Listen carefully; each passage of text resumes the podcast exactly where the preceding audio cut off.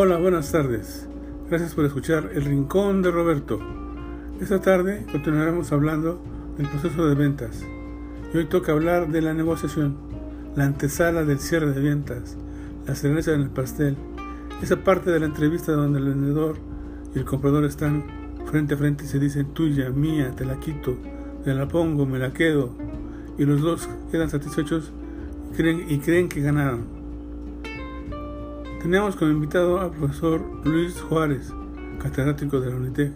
Lamentablemente no pudo venir, tuvo que cancelar de último momento porque tiene un resfriado marca Llorarás. Comenzamos.